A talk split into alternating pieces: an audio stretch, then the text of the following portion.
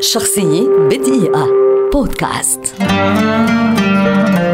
محمود المليجي ممثل مصري كبير ولد عام 1910 ويعتبر واحدا من أشهر الممثلين المصريين في القرن الماضي. عرف بلقب شرير الشاشة المصرية لتألقه في تأدية أدوار الشر وتمكن رغم ذلك من اكتساب حب المشاهدين وتحقيق جماهيرية عريضة. بدأ مشواره التمثيلي شابا مع فرقة الفنانة فاطمة رشدي وكان أول ظهور له في السينما في فيلم الزواج عام 1932 ثم اختاره المخرج إبراهيم لاما لأداء دور ورد غريم قيس في فيلم سينمائي من إخراجه عام 1939 كما وقف عام 1936 أمام أم كلثوم في فيلمها الأول وداد. كانت نقطة التحول في حياة المليجي عام 1970 وذلك عندما اختاره المخرج يوسف شاهين للقيام بدور محمد أبو سويلم في فيلم الأرض. فقد عمل فيما بعد في عدة أفلام لشاهين وهي الاختيار العصفور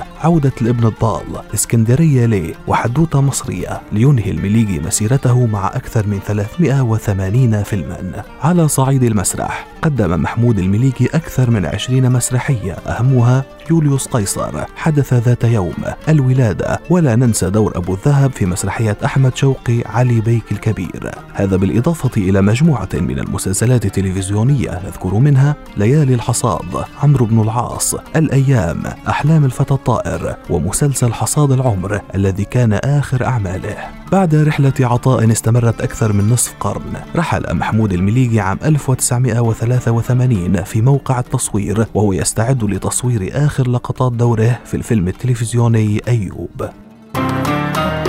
شخصية بدقيقة. بودكاست.